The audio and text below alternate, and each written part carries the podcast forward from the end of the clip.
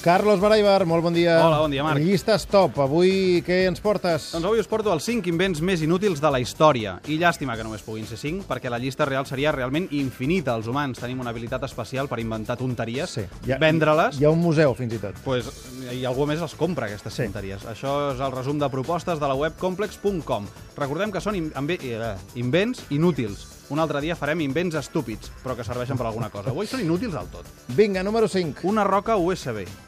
En anglès es diu USB Pet Rock. Es tracta d'una pedra, d'algun material sintètic, amb un cable USB que pots connectar a l'ordinador o on sigui, que tingui un port USB, però que no fa res.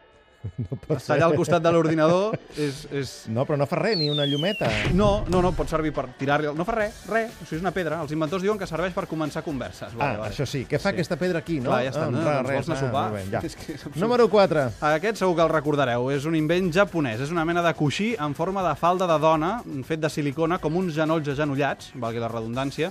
Seria com un coixí que t'hauria de proporcionar la sensació que està reposant el cap sobre la falda d'una dona que suposadament t'estima, però clar, és una falda de dona que només fins la cintura, no hi ha el tors. O sigui, fa bastant iuio. Sí. I deu ser incòmode perquè unes cames agenollades fan com baixada, o sigui que fatal tot. Fatal. Número 3. Aigua light. Sí, sí, aquest invent existeix, està a les estanteries d'alguns supermercats i el millor de tot és que segurament hi ha gent que ho compra simplement perquè si posa que és light deu ser perquè la resta d'aigua no ho és, no ho sé.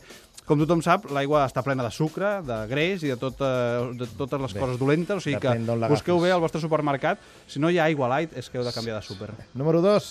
El número 2, un que a mi m'ha fet especial gràcia, una plantilla per pintar-se els llavis per les dones, evident... bueno, els homes que es vulguin pintar els llavis, endavant, per tothom.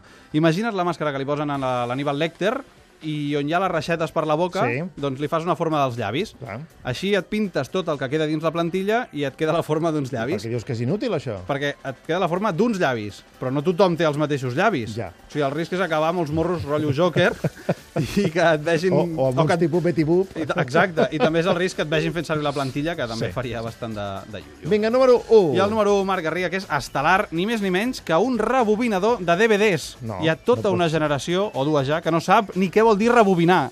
Imagina't. O sigui, Però per DVDs?